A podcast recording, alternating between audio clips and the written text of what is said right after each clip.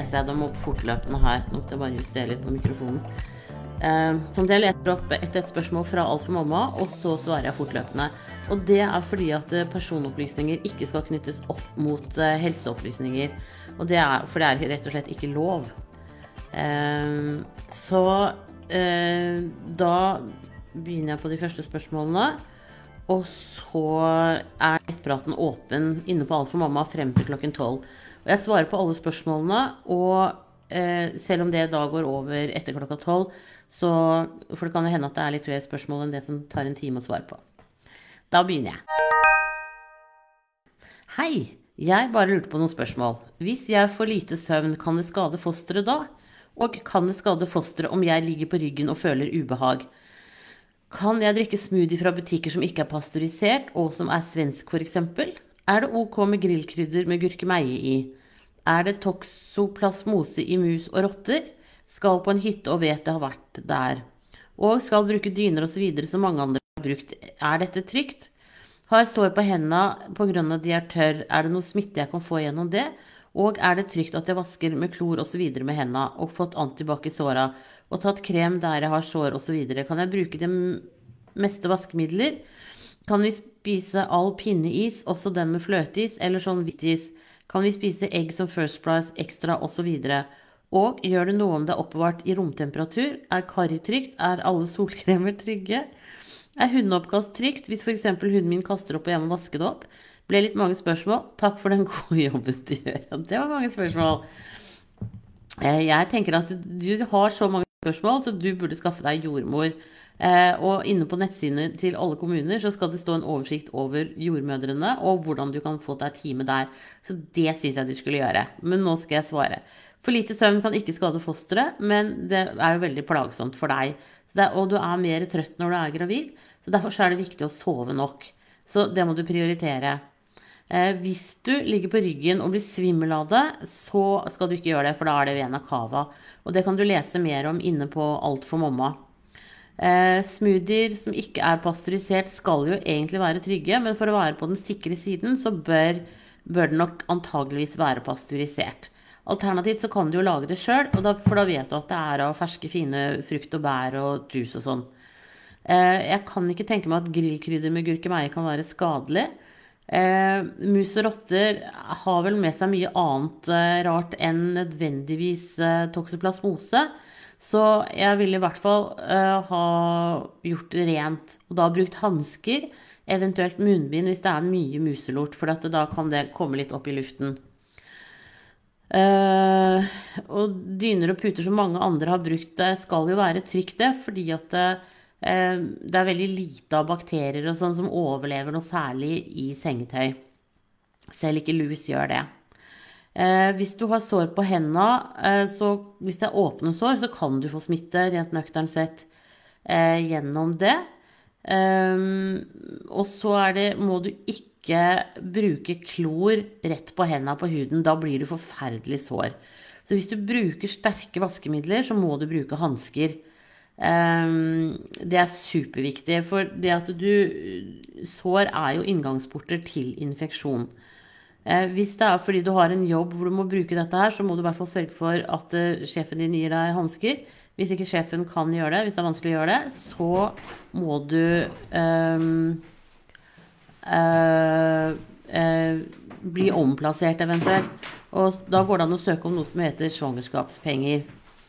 Um, så derfor så syns jeg liksom det, det, er faktisk Altså det er greit å bruke det meste av vaskemidler, men du må utstyre deg tilsvarende. Altså med hansker. Er det vaskemidler som er veldig sterke, så kan det hende at du også skulle hatt eh, um, ja, munnbind og sånn. Men det kan du se inne på stami.no, som er Statens arbeidsmiljøinstitutt. Er ikke det dere? Ja. I hvert fall, der står det en del om sånne ting. Eh, det går fint å ta, selvfølgelig ta krem i sår osv. når du trenger det. Har du mye sår, så bør du snakke med fastlegen din eh, og eventuelt legge en plan for hva som er bra for deg. Eh, is skal stort sett være greit, både saftis og fløteis. Og egg, og egg som også er oppbevart i romtemperatur, skal være greit. Men det er klart at nå når det er full sommer, så kan det jo hende at de har bedre av å være i kjøleskapet. Karri er trygt, og alle solkremer er trygge. Hundeoppkast, da bør du også bruke hansker når du vasker det opp. Alt, alt, som er på en måte eh, si sånn avfall, eh, oppkast, avføring, sånne ting, da bør man alltid bruke hansker. Eh, med mindre det er babybæsj, da, selvfølgelig. Men eh, der er du ikke helt enda. Da ønsker jeg deg riktig lykke til videre, og tusen takk for at du følger meg her. Ha det bra! Og så er det gravid med PCO som sier Hei, Siri, takk for podkasten din. Har fått så mange svar av deg. Ja, men det var hyggelig. Men jeg mangler fremdeles noen. Det var jo bra, da. Jeg er gravid i 7 pluss og har null og har PCOs. Har prøvd å bli gravid med nummer to siden mai i fjor, og nå satt den endelig etter at jeg begynte på Metformin i mars. Fant også ut at jeg har PCOs og sliter med å produsere insulin. Har enda ikke vært hos legen og lurt på om det er noe man må sjekke ut eller være klar over når man har PCOs og er gravid. Eventuelle ting jeg må passe på å få sjekket opp. Er redd for at det er større sjanse for at ting kan gå galt etter at jeg fant ut at jeg hadde sykdommen. Selv om det gikk helt fint sist, men visste ikke om det. Jeg hadde bare veldig flaks som ble gravid, og han var 4,6 kilo og 55 cm. Kan størrelse være relatert til sykdommen? Har en BMI på 24 og er 24 år. Tusen takk for svar. Håper å få litt ro og oversikt, og så mye kontroll over situasjonen som jeg burde. Står veldig lite om dette på nettet. Er forresten fristet til å ta en tidlig ultralyd denne gangen også. Gjorde ikke det sist. Anbefaler du dette, og eventuelt når anbefaler du at jeg tar den? Tusen takk for svar. Med vennlig hilsen spent 24-åring med PCOs. Ja, og det er helt riktig det at du faktisk skal følges opp litt ekstra. Så jeg syns du skal ta kontakt med fastlegen din, og da kan det hende at du eh, får en tidlig ultralyd gjennom eh, det offentlige. Så, så, eh, det tenker jeg er viktig. Og du skal selvfølgelig fortsette på Metformin mens du er gravid også. Eh, frem til eh, legen din eventuelt sier noe annet.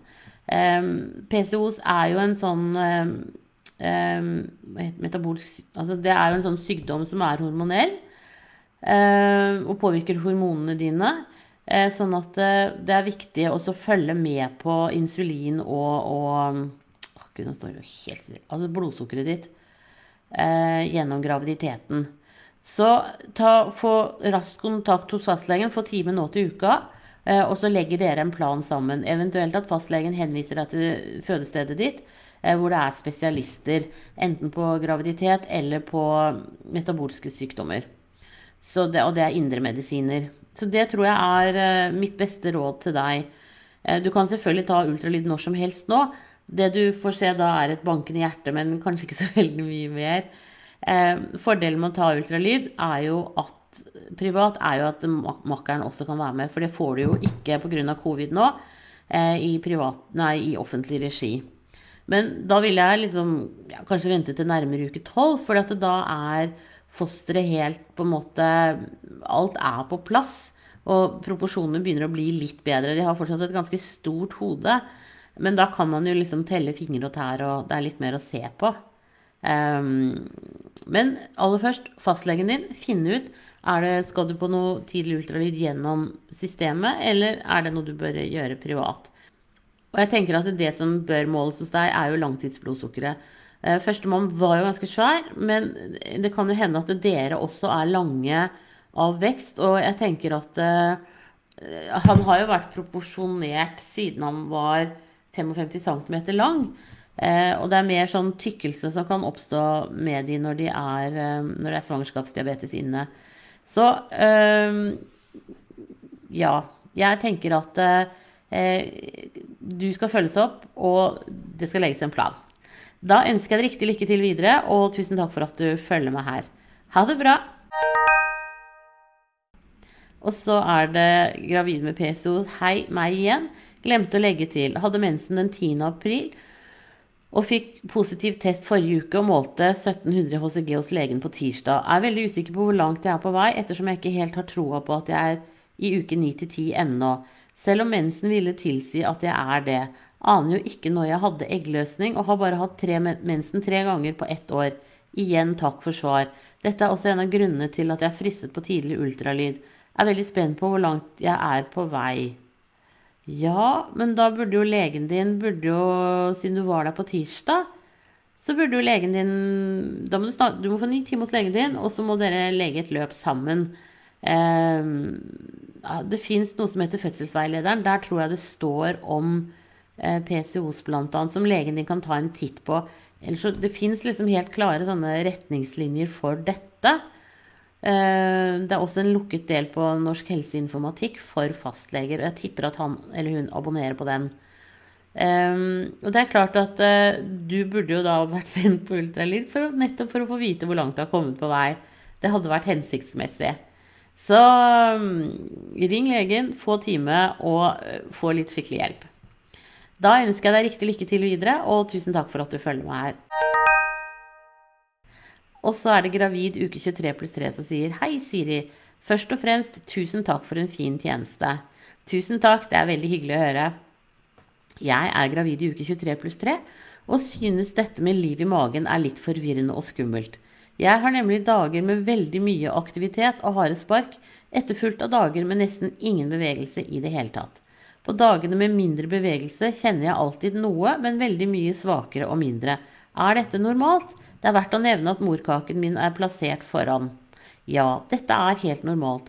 Og det vil du på en måte oppleve gjennom hele graviditeten. At hvis babyen har vært veldig aktiv, så blir den sliten dagen etter. Eh, det er helt logisk. Det gjør jo vi òg. Eh, så det, det, begynner tidlig i livet, kan vi si. Eh, og det at morkaken er plassert foran, det gjør jo at den virker som en pute. Sånn at når babyen ligger og, og si, liksom sparker rett inn i morkaka, så er det ikke så lett å, å, å kjenne de bevegelsene. Eh, det samme gjelder når babyen sparker inn langs med ryggraden. Er, der er vi heller ikke så følsomme. Så her er det flere elementer som spiller inn. Um, men jeg tenker at eh, det, at du kjenner liv hver dag, det er egentlig nok. Um, og det er ikke før altså sånn, I uke 32 så begynner babyens hode å gå ned i bekkenet. Og da blir det litt lettere å kjenne babyen Eh, da legger den seg liksom Da er den litt sånn Hva kan si litt sånn likere, da. Eh, og da, da, er det lettere å kjenne likere bevegelser også. For da snur de seg som regel bare fra side til side, og ikke hele veien rundt, sånn som den fortsatt kan gjøre hos deg. Så dette høres helt normalt ut. Og du er jo i uke 23, ja. Da ønsker jeg deg riktig lykke til videre, og tusen takk for at du følger meg her. Ha det bra. Og så er det Bente som sier hei er førstegangs gravid og er veldig usikker rundt dette med graviditet, da jeg har mistet tre ganger tidligere før uke 12. Er nå i uke 26. Har de siste tre ukene kjent en del bevegelser, og jordmor sier at jeg burde kjenne det hver dag nå. Går dager der jeg ikke kjenner noe, så skal jeg si ifra. Hun er selvfølgelig på ferie denne uken, og tirsdag og onsdag kjente jeg ingenting. Ble derfor veldig redd og ringte først fastlegen som sa at det var helt normalt å ikke kjenne hver dag så tidlig. Fikk ikke helt, helt god følelsen, så ringte Ahus. De var også rolige og mente at det var tidligere og null stress. Kjente heldigvis bevegelser i dag, men når er det egentlig man skal kjenne bevegelser hver dag, og når burde man reagere? Hvor ofte i løpet av en dag burde man kjenne bevegelser etter at det er vanlig med hver dag? Eh, det er en nettside som heter kjennliv.no. Eh, der kan du gå inn og så få lese om alt dette her og få nøktern og god informasjon. Jeg tror kanskje egentlig det er det beste rådet jeg kan gi deg. Eh, samtidig så er For dette, den, den sier noe om liksom utviklingen. Og det er nøkternt sett ikke før i uke 28 at man skal kjenne bevegelse hver dag. og som jeg sa til hun forrige også, at det er, veldig, det er, veldig, varierende i forhold til hvordan babyen ligger. Og babyen ja, har fortsatt veldig god plass i uke 26. Eh, det er først uke 32 og kanskje den nærmeste måneden at de legger seg med hodet ned. Og da blir bevegelsene likere. Så akkurat nå så tenker jeg liksom om du kjenner to-tre bevegelser en dag, så er det helt greit. Og som jeg sa til hun forrige også, har du hatt en stressende dag, eh, så går jo også stresshormonene dine over til babyen. Eh, og da blir den stressa sammen med deg, og så tar man det med ro dagen etter, og da tar babyen det også med ro. Eh, eller babyen tar det med ro dagen etter, for den er også sliten. Sånn at eh, her er det på en måte det er, det er, jo ting som spiller inn, da. Eh, men det du kan gjøre når du på en måte Skal vi kalle det Ullevål-kuren? Eh, for det er det de anbefaler på Ullevål. Jeg syns jo det er litt drastisk. Men de sier liksom spis et godt måltid, gjerne med mye sukker i. Så tar du et par grytelokk, og så smeller du det sammen i ett minutt foran maven. Og så legger du deg ned på sofaen, legger fra deg mobilen, gjør ikke noe annet enn å telle spark i en time. Eh, da pleier man å kjenne spark. Eh, det skal jeg nesten garantert love deg. Hvis ikke du kjenner spark da, da skal man definitivt ringe til sykehuset. Så, og det, det sier liksom noe om hvor mye som skal til noen ganger da, for å få disse babyene til å bevege seg. Og det er fortsatt normalt. Så jeg tenker at eh, dette her går helt fint. Um, og, og, det er vel veldig sånn lett å gjøre i våre tider. Man sitter mye på mobilen, man gjør mange andre ting. Setter, det er vanskelig å sette seg ned og bare kjenne etter spark. Så eh, neste gang du er i tvil, så ta og spis en is eller drikk et glass saft eller juice eller et eller annet. Og så setter du deg ned, legger fra deg alt og bare kjenner etter. Eh, og da tenker jeg at du i løpet av de første 20 minuttene kommer til å kjenne noe bevegelse. altså. Og hvis ikke, så tenker jeg at da er det bare å ringe Ahus igjen. Eller jordmora di, da. Hun er sikkert snart ferdig med ferie. Da ønsker jeg deg riktig lykke til videre. Og, og så kan du jo også ringe fastlegen, selvfølgelig. og tusen takk for at du følger meg her. Ha det bra! Og så er det søvn som sier hei. 1. Sliter veldig med søvn om dagen og sover veldig dårlig. Er gravid 25 pluss 2. Jeg sover vanligvis på høyre side, mens nå er jeg blitt anbefalt å sove på venstre for å ikke klemme babyen. Liker også å ligge på ryggen, men har hørt at det er skadelig for henne. Hva tenker du? 2. Går til naprapat og må der innimellom ligge på magen. Da merker jeg at hun beveger seg veldig. Er det fordi jeg moser henne? Eh, skal vi se, Da tar vi det om søvn først. Eh, det du kan prøve som et sånt generelt råd, det er å ta magnesium en halvtimes tid før du legger deg. Magnesium virker eh, søvndyssende, eh, og overskuddet går også ut i avføringen, sånn at du kan ikke bli overdosert på det, men faktisk få litt mykere avføring, noe som en, mange gravide syns er en lettelse. Du kan godt sove på høyresiden, det er ikke farlig. Og du kan også sove på ryggen, selv om du er liksom helt på grensen der hvor man kan få vena cava. Og så jeg foreslår at du legger deg ned på ryggen. Blir du svimmel av å ligge på ryggen, så skal du ikke det. Men hvis du ikke blir svimmel av å ligge på ryggen, så eh, får du antageligvis ikke vena cava enda. Men definitivt eh, ikke noe problem å sove på høyresiden også. Det kan jo være en fordel å trene seg opp til å sove like godt på begge sider. For etter hvert så skal du nok også amme liggende i sengen. Eh, og da, da, da er det en fordel å fungere like godt på begge sider. Når det gjelder at du går til naprapat og må ligge der på magen, så går det helt fint. Eh, jeg tror ikke Det er ikke så mye det at du blir så veldig most, men det er mer det at du kjenner bevegelsene veldig mye bedre når du ligger på maven. Så det kanskje man egentlig skulle gitt det som råd til gravide sånn eh, uke 25 og under. At eh, legg deg på maven, for da kjenner du det bedre. Det tenker man. Det er egentlig et godt råd. Eh, men, men, etter hvert så blir det jo ubehagelig å ligge på magen, og da må du eh, må du nok ligge litt med en liten bikk over på siden, tenker jeg. Men, men, det kommer til å gå helt fint. Da ønsker jeg deg riktig lykke til videre, og tusen takk for at du følger meg her. Ha det bra! Og så er det MSV som sier hei. Jeg sluttet med p-pillen for 14 dager siden. Jeg stresser allerede med å ikke få tilbake mensen. Sikkert fordi jeg leser om så mange som har, det har tatt lang tid for. Jeg har ett barn fra før, og da fikk jeg regelmessig mens med en gang etter p-pilleslutt, og ble gravid ganske fort. Vil det være likt for meg denne gangen angående når regelmessigheten på syklusene, eller kan det ha endret seg nå? Er snart åtte år siden jeg fødte, og jeg er snart 29 år, om det har noe å si.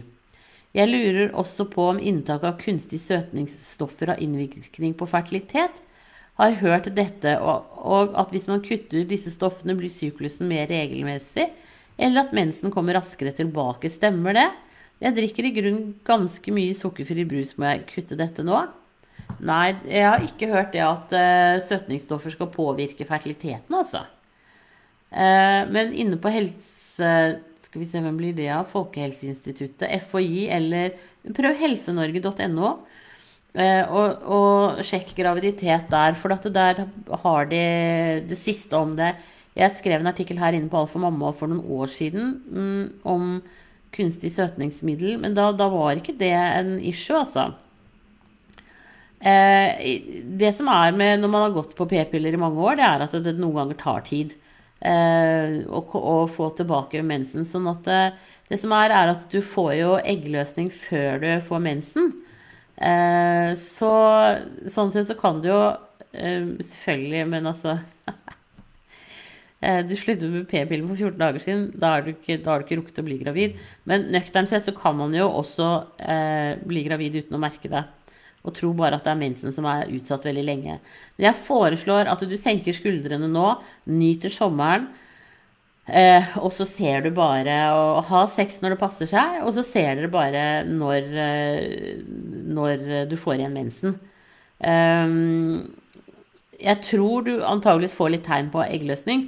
Um, for det er ak akkurat som at liksom den første eggløsningen når man har, ikke har hatt det på en stund, den kan være litt sånn heftigere. Det er liksom akkurat som det er litt sånn eh, Jeg skal ikke si rust i systemet, men det, liksom, det, det, kan ofte være litt kraftig. Så derfor så tenker jeg at, eh, at eh, Lev livet, ikke stress. Det kan faktisk gå så lenge som ett år før man får igjen eggløsning etter å ha sluttet på hormonell prevensjon. Så det er de dårlige nyhetene. Men det må man jo bare se, rett og slett. Og så tenker jeg at uh, altså, hyppig sex kan jo gi eggløsning ellers. Så kjerringråd muligens. Altså ha sex så ofte dere kan. Og så Men, men da, det er jo lett at det blir litt stress, da. Det er det. Så øh, ja. Nei, lev livet. Gjør som dere pleier, og kos dere. Eh, når det gjelder Ja, ikke sant. Det var søtstoff, det har jeg svart på. Da ønsker jeg deg riktig lykke til videre, og tusen takk for at du følger meg her. Ha det bra. På'n igjen.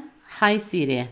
Skrev til deg for litt over en måned siden. Siden vedrørende og ja, vedrørende å bli gravid igjen når jenta vår bare er fire måneder gammel. Da vi sliter med å bli gravide pga. dårlig sædkvalitet for få sædceller, ønsker vi å gi alle eggløsninger en sjanse. Dette sa du ikke var noe problem at vi forsøktes når vi har prøvd i to eh, omganger uten å lykkes som forventet i grunnen. Har hørt at noen har investert i 40 Lilly befruktningsbeger. Omtaler fra forbrukerne sier at dette fungerer på første forsøk etter mange år med prøving. Er dette noe som faktisk fungerer, eller er det bare 500 kroner for falskt håp? Hva tror du? Jeg hadde nemlig uplanlagt keisersnitt med jenta vår, som er vårt første barn. Om jeg skulle bli gravid nå, går dette fint i forhold til at det er et rimelig ferskt arr på livmoren. Hva er oddsen for at det ender med keisersnitt neste graviditet? Så skal det sies at det ble keisersnitt pga. dårlig hjertelyd hos jenta vår. Takk for gode svar, Siri. Uh, ja det er, det er som du sier, at her må dere bare prøve dere frem. Og så ha sex når dere vil og, og, og sånn. Um, jeg regner med at dere har vært i utredning, sånn at, kanskje, at dere vet noe om hvorfor det er dårlig setekvalitet, og at, om at uh, fins det muligens noe å gjøre med den. Uh, og det kan du jo høre med Anette Heggemsnes på Frøya-klinikken. Hun har mange gode råd der. Eh, til Lilly aner jeg ikke hva er, så det må jeg faktisk eh, eh, slå opp etterpå. Eh, og det er klart at sånn reklame vil jo alltid snakke frem et uh, produkt. Hvis det var så effektivt som at man ble gravid på første gang, så tenker jeg at da, da hadde vi visst om det i litt større grad enn det vi gjør.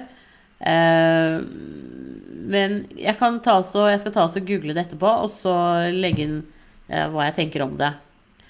Det at du hadde et uplanlagt keisersnitt Det er ikke noe farlig å bli gravid nå, men man anbefaler vel ofte at det går opptil et år etter keisersnittet før du blir gravid. Eh, så egentlig sånn sett, for hver måned som går nå, er positivt for livmoren din. Men det er ikke noe, det er ikke noe sånn eh, Hva skal vi si Det er ikke noe sånn veldig Ja, det går stort sett greit. Uh, og siden det var dårlig hjertelyd hos datteren deres som førte til keisersnitt, så er det ingen grunn til at du skal ha keisersnitt neste gang. Da kan det godt hende at det blir eh, vaginal fødsel, men de vil nok kanskje overvåke fødselen litt mer eh, fordi det var keisersnitt sist. Men det er ikke noe problem, altså. Da ønsker jeg deg riktig lykke til videre, og tusen takk for at du følger meg her. Ha det bra! Og så er det andre gangs overtid. Hatt et normalt svangerskap, er det noen liggestillinger som er gunstigere enn andre i forhold til å få fødsel i gang? Forrige uke med mye kynnere og modningsrier som kom og gikk, pluss bevegelse fra baby. Denne uken bevegelse fra baby hver dag, men mindre modningsrier og kynnere. River litt i øvre del av ryggen til tider, men antar at det er modning, det òg. Det er faktisk ikke et godt tegn, for det er da eh, Når det sitter liksom høyt oppe bak på ryggen, så er det fordi de er litt sterkere. Så da er det helt på vippen til å gå over i rier. Ingen typiske tegn på kroppens fødselsforberedelser, ikke diaré eller løs mage. Nedpress fra tid til annen, men også det stopper opp. Trykk på blæren 24-7, så må tisse gang x antall ganger i løpet av dagen. Kan jeg anta at alt er bra så lenge jeg kjenner daglig liv? Hvor mange dager etter fødsel er det innafor å avvente besøk uten å fornærme nærmeste familie? Ønsker å få i gang amming først. Hvor lang tid tar det? Fikk ikke i gang melkeproduksjonen sist, 11 år siden. Tips til OK måte å formidle dette ønsket på. Andre gangs en uke siden termin, overtidskontroll på mandag. Uh, det er ikke noen liggestilling som jeg vet uh, at man kan få i gang fødselen på. Uh, så der gjelder det egentlig bare å finne en stilling som er behagelig når du legger deg ned tror jeg, sånn at du får slappet av og sovet og sånn. Um, og det, det, du kan prøve, da, for så vidt, er jo sånn nippelstimulering. Som vil si at du gnir på brystvortene dine til du får en ri, og så venter du til den har gitt seg, før du prøver på nytt. Uh, prøv dette kanskje i 20 minutter, og så maks i en time. Uh, og så kan du se om det kanskje kan være med på å, å sette i gang fødselen din. Og det nedpresset, det tenker jeg kanskje det er når du kjenner de der takene som tar helt oppe på ryggen, at det kan være de som gir deg nedpress også. Og det er flott at du kjenner dagligliv, det er helt supert. Og hvis du syns at eh, bevegelsene endrer seg veldig, eller sånn, så tar du kontakt med fødende selvfølgelig med en gang. Når det gjelder nærmeste familie, så syns jeg at man godt kan sette eh, Bruke covid for alt det har vært. Og så si at eh, det, altså i hvert fall én uke, men gjerne to, eh, hvor dere ikke vil ha besøk. Og så at dere heller da kan komme ut og treffe dem ute på trilletur. Eh, og det, det, tenker jeg liksom at det er helt greit å, å si fra om det, og si at liksom at dere er redde for smitte. Eh, og nøkternt sett, så hvis du virkelig skremmer dem litt, så kan du jo si at dere også er litt potensielt smittsomme, da, som har vært innom sykehuset eh, og født. Eh, så man vil gjerne se det an i ti dager for å se at eh, dere ikke smitter de andre. Eh, så her er det Dette kan brukes begge veier, tenker jeg. Men det er kjempebra at du skal på overtidskontroll i overmorgen. Og da vil de sikkert skissere diverse metoder for å igangsette deg. Men nippelstimulering kan absolutt være en, en bra ting før det. Da ønsker jeg deg riktig lykke til videre, og tusen takk for at du følger meg her. Ha det bra. Da er det bekymret førstegangs som sier Hei, Siri. Hva er risikoen for at en normalvektig kvinne på 29 år kan utvikle svangerskapsdiabetes? Det som gjør meg bekymret for dette, er at jeg veldig ofte må tisse.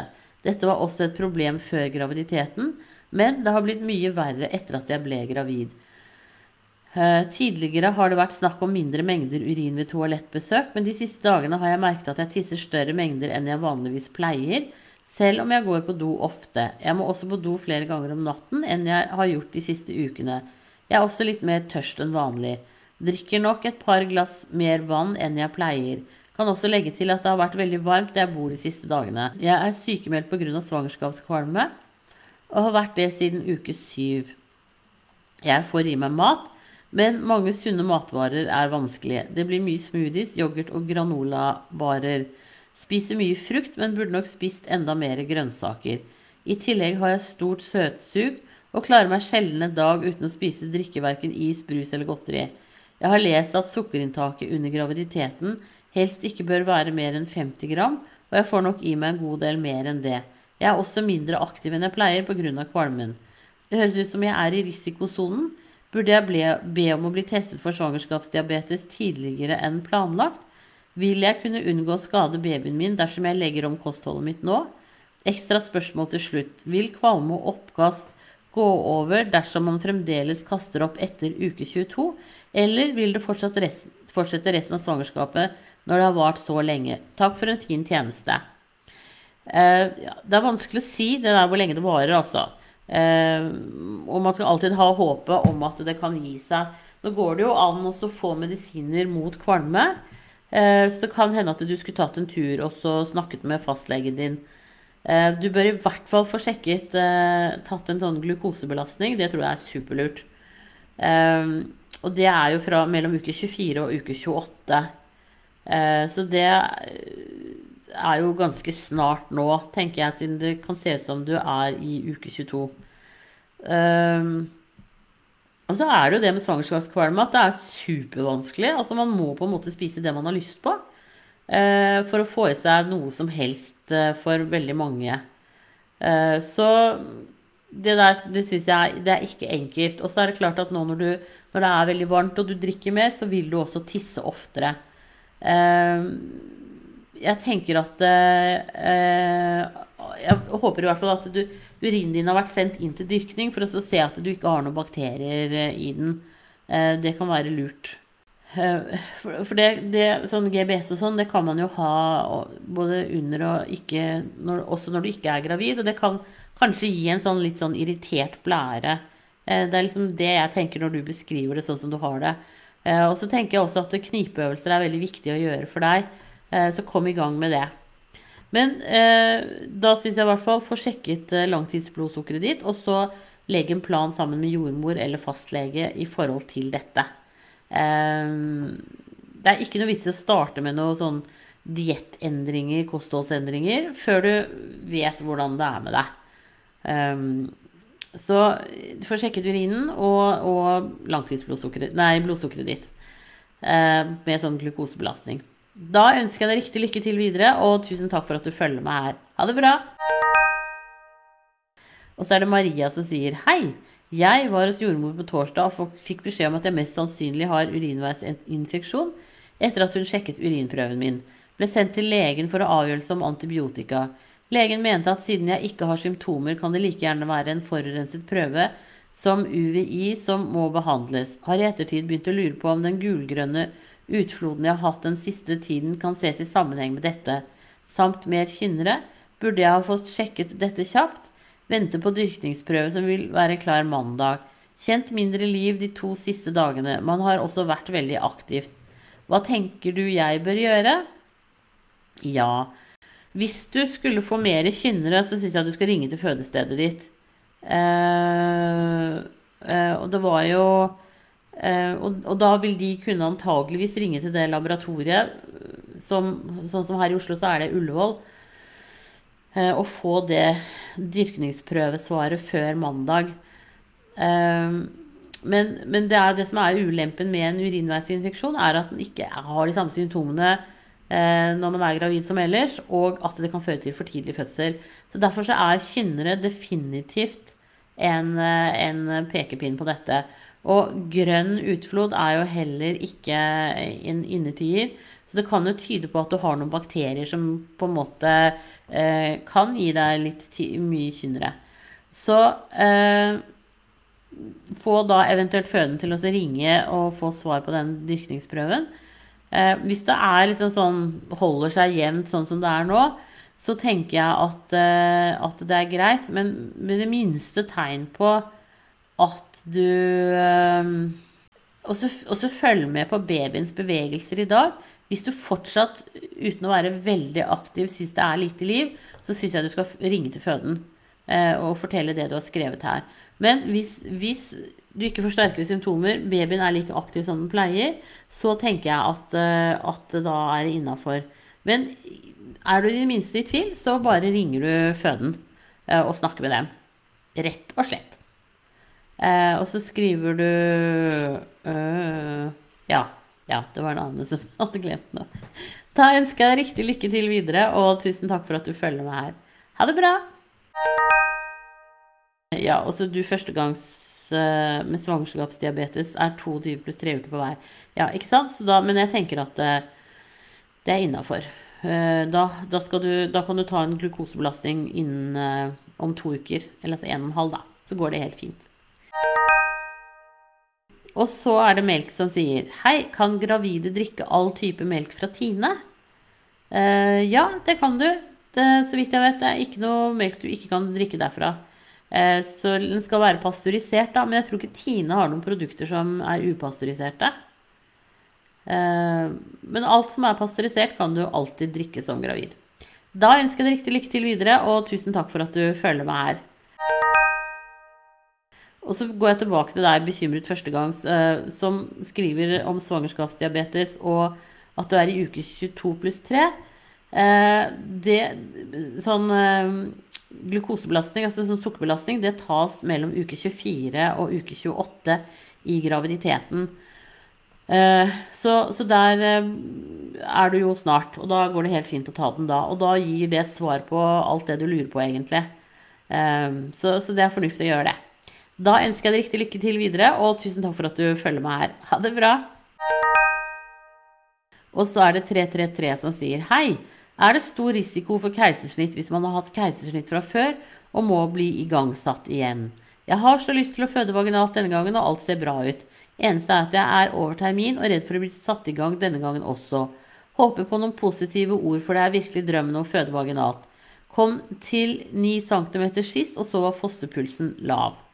Ja, og da tenker jeg at uh, det, er, det burde absolutt gå helt greit å føde vaginalt denne gangen. Eh, når det er babyens hjertelyd som ble lav sist. Og da bør man jo se på, når du kommer inn for å føde nå, eller bli igangsatt, så få dem til å gå gjennom de gamle papirene. Og så se om de ser noen som helst slags grunn til at babyens eh, puls ble lav. Eh, lå du lenge i fødsel, f.eks.? Eh, var det lite ernæring på deg og babyen underveis? Eh, hadde babyen navlesnoren rundt halsen? Er det, andre, er det, ting som kan forklare hvorfor babyen fikk lav hjertelyd? Eh, det tenker jeg eh, at du må ta med deg. Og så se om ikke det Om det kan være noe der. Og hvis ikke, så tenker jeg at det er høyst sannsynlig ingenting som kommer til å gjenta seg, i hvert fall. Så si det at du ønsker sterkt å føde vaginalt, og at det er det du vil satse på. Og så vil du jo selvfølgelig bli overvåket, og så ser man. Da ønsker jeg deg riktig lykke til videre, og tusen takk for at du følger meg her. Og så er det melk som sier Hei, glemte å spørre om Vi kan drikke all melk som blir solgt i butikk, alle merker og typer. Ja, alt som er pasteurisert, kan drikkes. Eh, og det er også havremelk og mandelmelk og eh, alt, alle de nye variantene. Eh, men det er ikke noe problem i det hele tatt. Da ønsker jeg deg riktig lykke til videre, og tusen takk for at du følger meg her. Ha det bra! Og så er det hund. Hvis hunden har mark, smitter det da til mennesker, eller er noe fare for gravide? Eh, nei, det skal det ikke kunne gjøre, men det er klart at eh, eh, når du Men det gjør man jo alltid. Altså, man bruker jo hansker eller pose eller sånn når du er i i kontakt med den. Og det er selvfølgelig veldig viktig for den stakkars hunden at den får seg en skikkelig markekur. Eh, og da blir du jo kvitt den. Men det skal ikke kunne smitte over på mennesker, altså. Da ønsker jeg deg riktig lykke til videre, og tusen takk for at du følger meg her. Ha det bra! Og så er det Anonym444. Hei, jeg tok en RFSU-test seks dager før innkommende mensstav.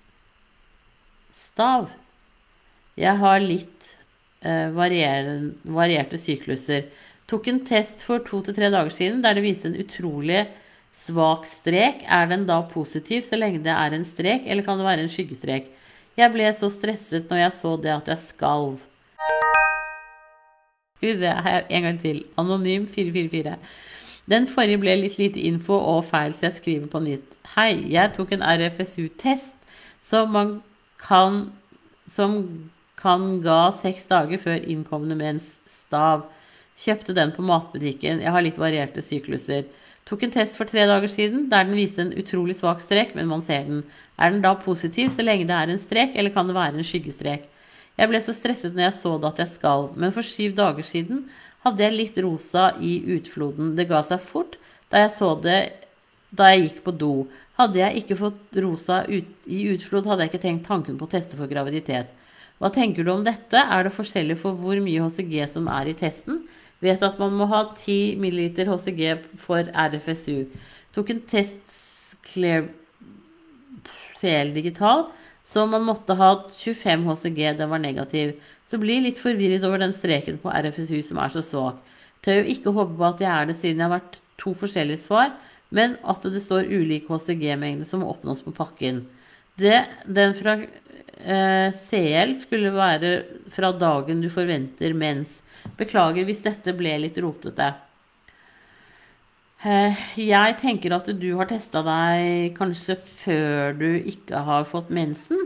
Så jeg foreslår at du venter til det er sånn som den testen sier, at vent til forventet mens. Da vil du få et svar som er tydeligere.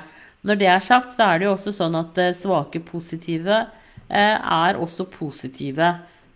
Så med fare for å gi deg um, falske forhåpninger her, Eh, så kan det jo godt hende at du er gravid. Du kan også sjekke inne på Alt for mamma. Der har jeg flere artikler om tidlige graviditetstegn og graviditetstegn. Og se om du kanskje har fått noen av de. Eh, det kan jo være litt artig å se. Da ønsker jeg deg riktig lykke til videre, og vent nå i hvert fall til du får, skulle hatt mensen. Og tusen takk for at du følger med her. Ha det bra! Og så er det smør som sier Kan gravide spise alle typer smør til brødskive og ellers? Det kan du. Det er ikke noe problem. Smør er ikke noe farlig for gravide. Ja Så, så smør er helt greit. Da ønsker jeg deg riktig lykke til videre, og tusen takk for at du følger meg her. Ha det bra. Og så er det førstegangs gravid som sier hei. Er det farlig å spise rødbetsalat og kyllingsalatpålegg som det står det er eggeplomme i? Nei, det er det ikke. Det går helt fint. Uh, ja, det er ikke noe problem med det. Da ønsker jeg deg riktig lykke til videre, og tusen takk for at du følger meg her. Ha det bra! Og så er det 35 pluss 3. Hei, jeg er gravid i uke 35 pluss 3, og baby sitter i setet. Hvor lenge kan babyen snu seg selv? Redd for ytre vending, redd det skal skade babyen. Eh, babyen kan snu seg selv. Nå handler det litt om hvor mye fostervann det er og sånn.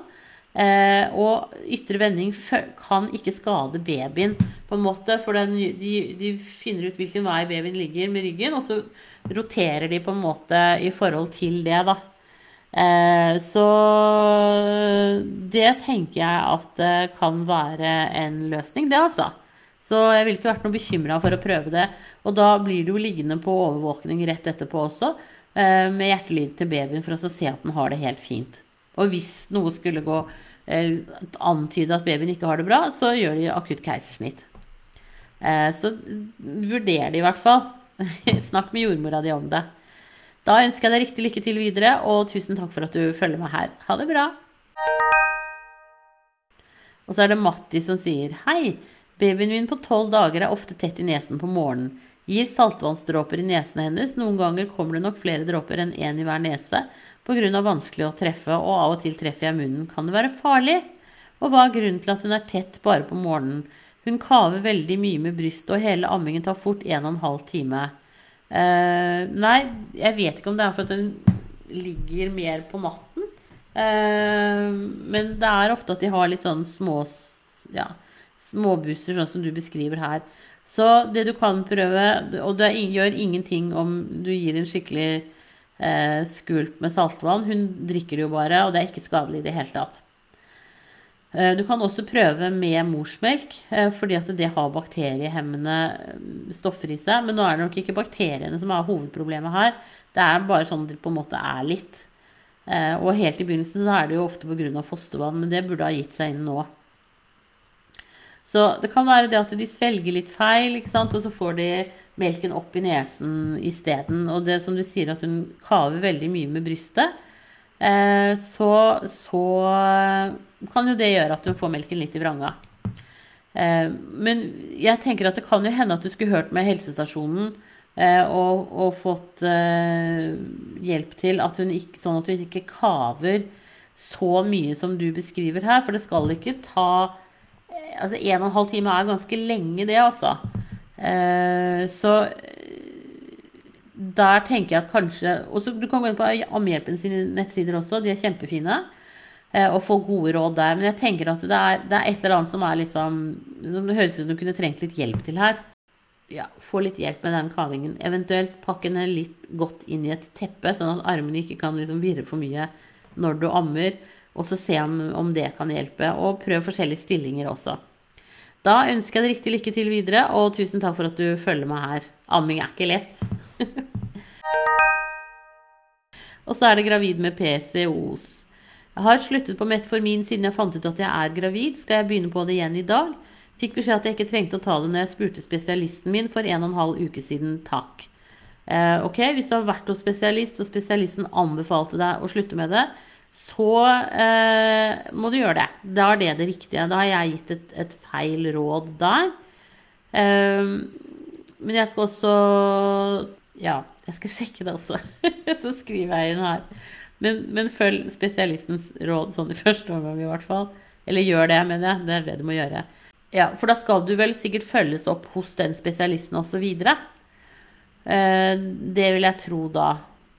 Fordi at det, det, jeg tenker det er greit å vite hvordan det går med insulinen din og, og, og, babyens tilvekst og disse tingene her. Så jeg skal lese litt, meg litt opp, og så skal jeg skrive inn svar. Det kan hende at jeg ikke rekker å gjøre det nå på formiddagen, men i så fall så kommer det i løpet av kvelden. For dette er, det er ikke helt udelt enkle saker, rett og slett. Så jeg skal sjekke litt, jeg også. Da ønsker jeg deg riktig lykke til. Men ikke begynn på metformin nå eh, når spesialisten har sagt nei. Legen har rett i sånne slike ting. Da ønsker jeg deg riktig lykke til videre, og tusen takk for at du følger meg her. Ha det bra!